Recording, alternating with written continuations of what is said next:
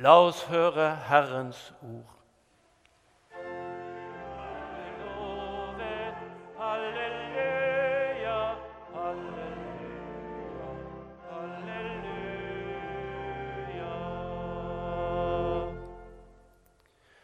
Det hellige evangelium står skrevet hos evangelisten Matteus i kapittel 8. Da Jesus gikk inn i Kapernaum, kom en offiser til ham og ba om hjelp. Herre, sa han, tjenestegutten min ligger lam hjemme og har store smerter. Jesus sa, Jeg skal komme og helbrede ham. Offiseren svarte, Herre, jeg er ikke verdig til at du kommer inn under mitt tak, men si bare et ord, så vil tjenestegutten min bli helbredet. For jeg står selv under kommando og har soldater under meg.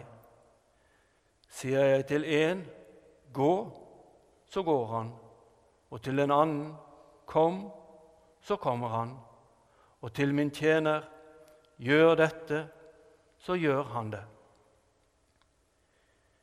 Jesus undret seg da han hørte dette, og han sa til dem som fulgte ham, Sannelig, jeg sier dere, en slik tro har jeg ikke funnet hos noen i Israel. Det sier jeg dere, mange skal komme fra øst og fra vest og sitte til bords med Abraham og Isak og Jakob i, Gud, i himmelriket. Men rikets barn skal kastes ut i mørket utenfor, der de gråter og skjærer tenner. Til offiseren sa Jesus, 'Gå, det skal skje slik du trodde.' Og tjenestegutten ble frisk i samme stund. Slik lyder det hellige evangelium.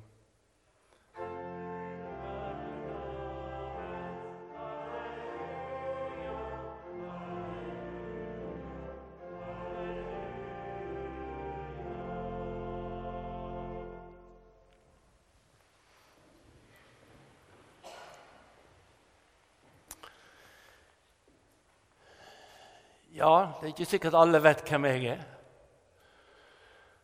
Men mange av dere vet sikkert at jeg har vært prest i Sandneskirka.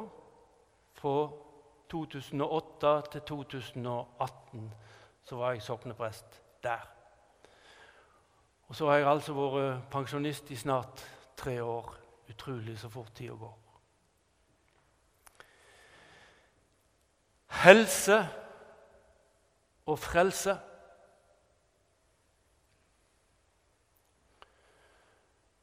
Før jeg sier litt mer om det, så vil jeg bare si litt om eh, situasjonen der dette skjedde. Det var i byen Kapernaum. Jeg tipper at eh, det er noen av dere som er her, som har vært der. Som har vært på tur til Israel. Hvis de har vært på tur til Israel, så tipper jeg at da har en vært også i Kapernaum. Få se om det er noen som har vært der. Ja, ja, ja da. Og Jeg har òg vært to ganger i Israel.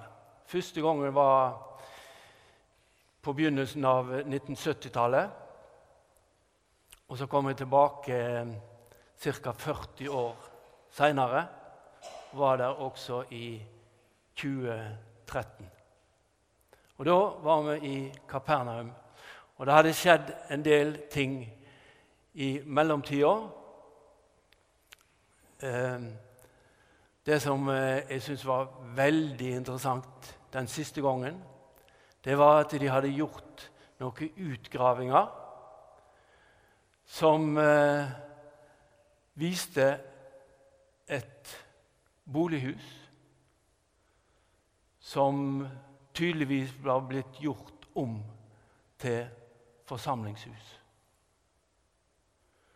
Og det er mange ting som taler for at det var huset til Peter,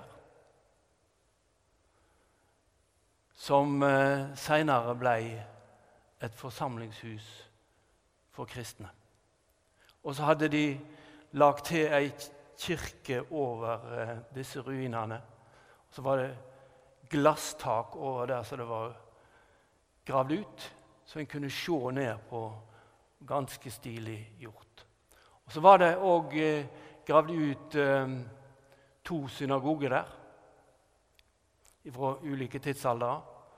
Og i iallfall én av de synagogene er det ganske sikkert at Jesus har vært. Og inn til denne byen så kom altså en offiser, står det i teksten vår i dag. Og vi må regne med at dette var en romersk offiser. Vi vet at jødene var under romersk okkupasjon på denne tida. Og denne offiseren ber altså Jesus om hjelp. Så denne teksten den er et vitnesbyrd om eh, tru og om spontan helbredelse. Men så kan vi spørre er da dette ei patentoppskrift på hvordan den som tror på rette måten, kan bli helbreda ved Jesu hjelp, ved Guds hjelp, sånn at medisin og helsevesen blir overflødig?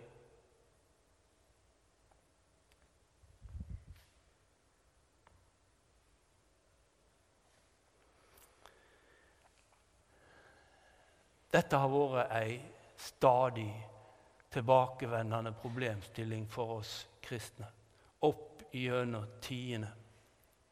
Hvis vi leser videre i Matteusevangeliet fra teksten vår i dag, så hører vi om at uh, Jesus kom inn i dette huset som kanskje var det som er gravd fram, til der Peter bodde og der svigermor hans var sjuk. Og så gjør Jesus også henne frisk. Igjen en spontan helbredelse. Og så står det en slags sånn oppsamlingssekkebenevnelse om at de kom med mange sjuke til Jesus. Og han gjorde alle friske.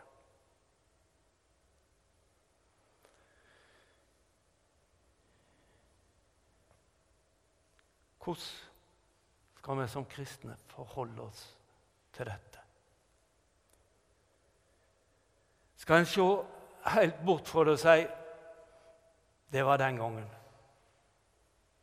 Det var annerledes når Jesus gikk rundt her på jorda. Eller skal vi si at bare vi forholder oss på rett måte til Jesus, til Gud,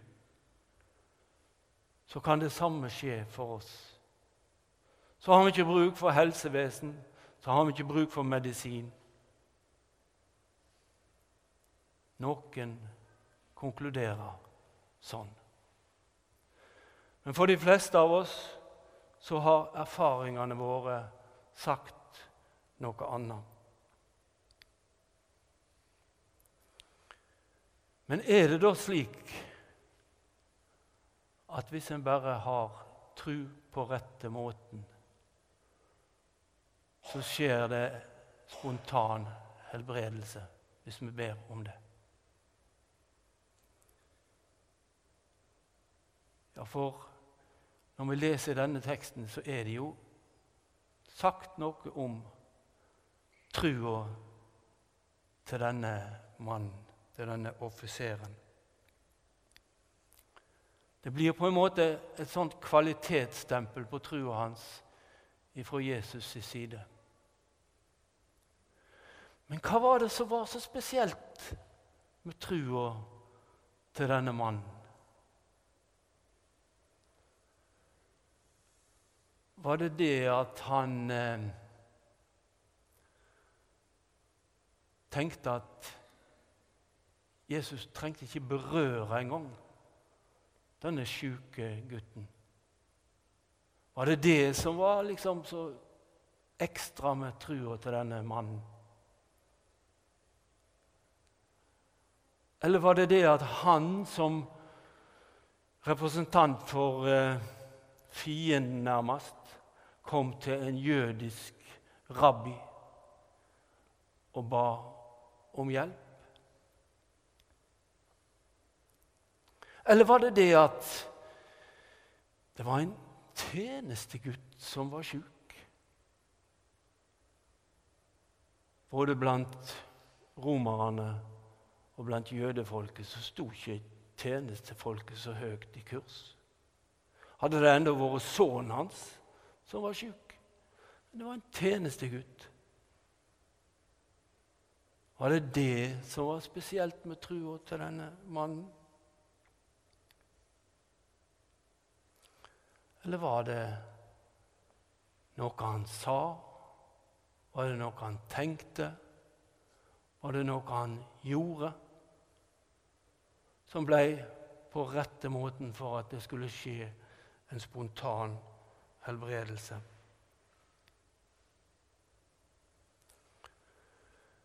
Jesus sa noe en gang om at hvis dere har tru som et lite sennepsfrø, så kan dere si til det fjellet 'Flytt deg', og så vil det flytte seg. Og Da skjønner vi at Jesus av og til setter ting ganske på spissen. For så vidt jeg vet, så har ikke geografien noen gang blitt forandra pga. at noen trodde sterkt nok. Og likevel så må det jo være noe i dette. Men noen de tar dette sånn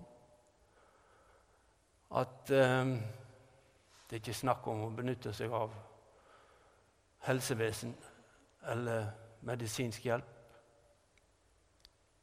Noen nekter blodoverføring. Noen vil ikke ha denne vaksinen som vi har fått nå.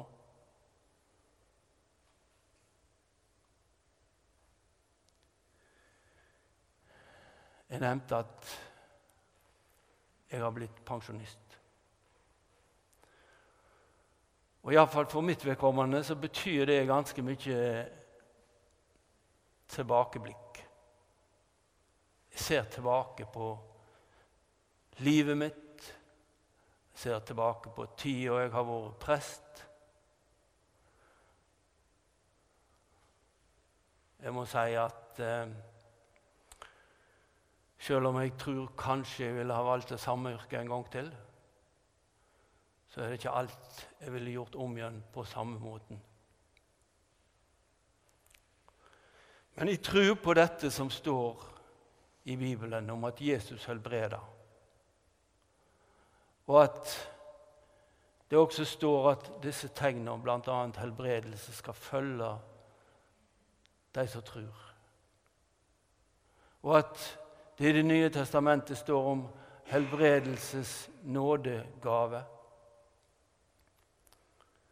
Og at det står at hvis noen er syke, så skal de tilkalle de eldste, og så skal de salve dem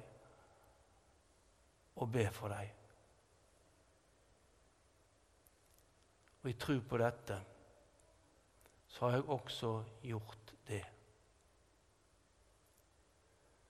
Men så vidt jeg vet, så har det aldri skjedd noen spontan helbredelse som resultat av at jeg har gjort det. Kanskje det har med at jeg ikke har hatt helbredelsesnådegave. kanskje, og jeg har tenkt tanken, men jeg har avvist den, har jeg ikke gjort dette på rett måte. La oss bare bli enige om at det kan ikke ha noe med å gjøre dette på rett måte å gjøre. Gud er suveren. Han helbreder når han vil det. Og så har jeg tenkt på mitt liv. Har jeg sjøl noen erfaring for å blitt helbreda? Og da var det en setning som slo meg. Helbred er bedre enn helbredelse. For jeg har fått være heldig. Jeg har fått hatt ei god helse. Jeg er snart 70 år. Jeg har fått beholde kona mi. Jeg har tre barn. Jeg har seks barnebarn. Og de er friske. Helbred er bedre enn helbredelse for. Trenger du helbredelse, så har du ikke helbred. Og jeg har fått hatt helbred, ei god helse. Og så skjedde det i går at koronarestriksjonene ble oppheva. Og så har det dødd 800-900 mennesker i Norge. Om ikke pga. korona, som med korona. Og så vet vi lite om hvor mange som hadde blitt syke og dødd hvis vi ikke hadde fått denne vaksinen som nå vel de fleste her har fått to doser av,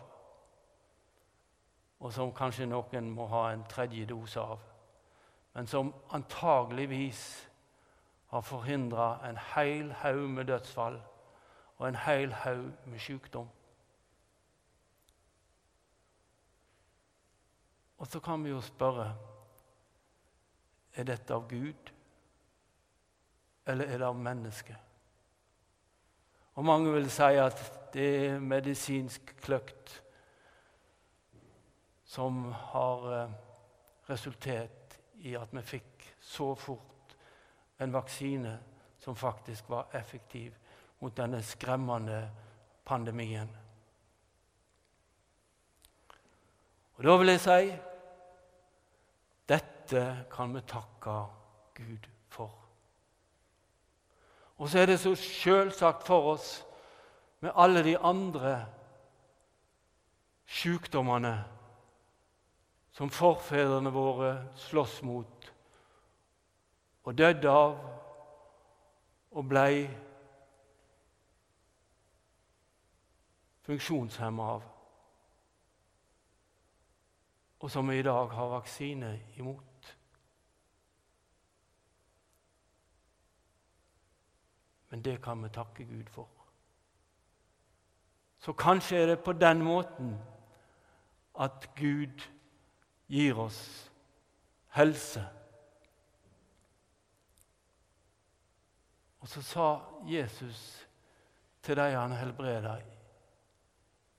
iallfall i mange tilfeller ikke gå og snakk om det.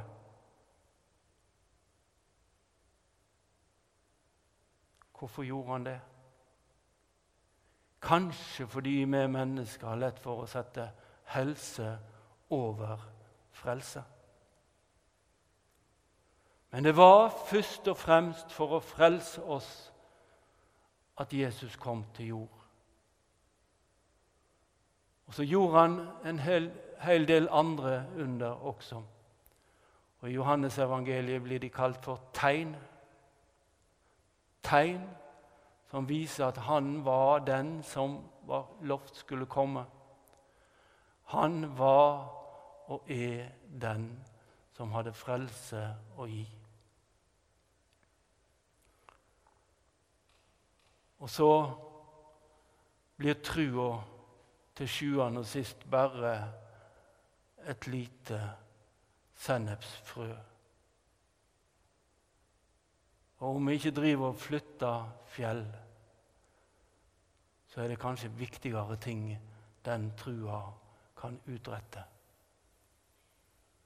Sånn som vi sier det i Johannes 3, 16, som vi kaller for den vesle Bibelen. Så høyt har Gud elska verden. Han ga sin sønn den enbårne, for at hver den som tror på ham, ikke skal gå fortapt, men har evig liv. Og Så forteller Lukas et eksempel på hvor lite av den trua som skulle til før en forbryter som aldri hadde gjort noe særlig godt, fikk høre i dag skal du få være med meg i paradis. Så skjønner vi at frelse det er noe som alle kan få, som griper fatt i den utretta hånda til oss. Og så har vi ganske mye helse å takke for også, om det ikke skjer som en spontan helbredelse. Jeg sier ikke at det ikke kan skje. Noen her kan kanskje vitne om at de har erfart det, og ære være Gud for det. Men først og fremst for den frelse som alle kan få som ber om det. Ære være Faderen og Sønnen og Den hellige ånd, som var og er og blir en sann Gud fra evighet og til evighet. Amen.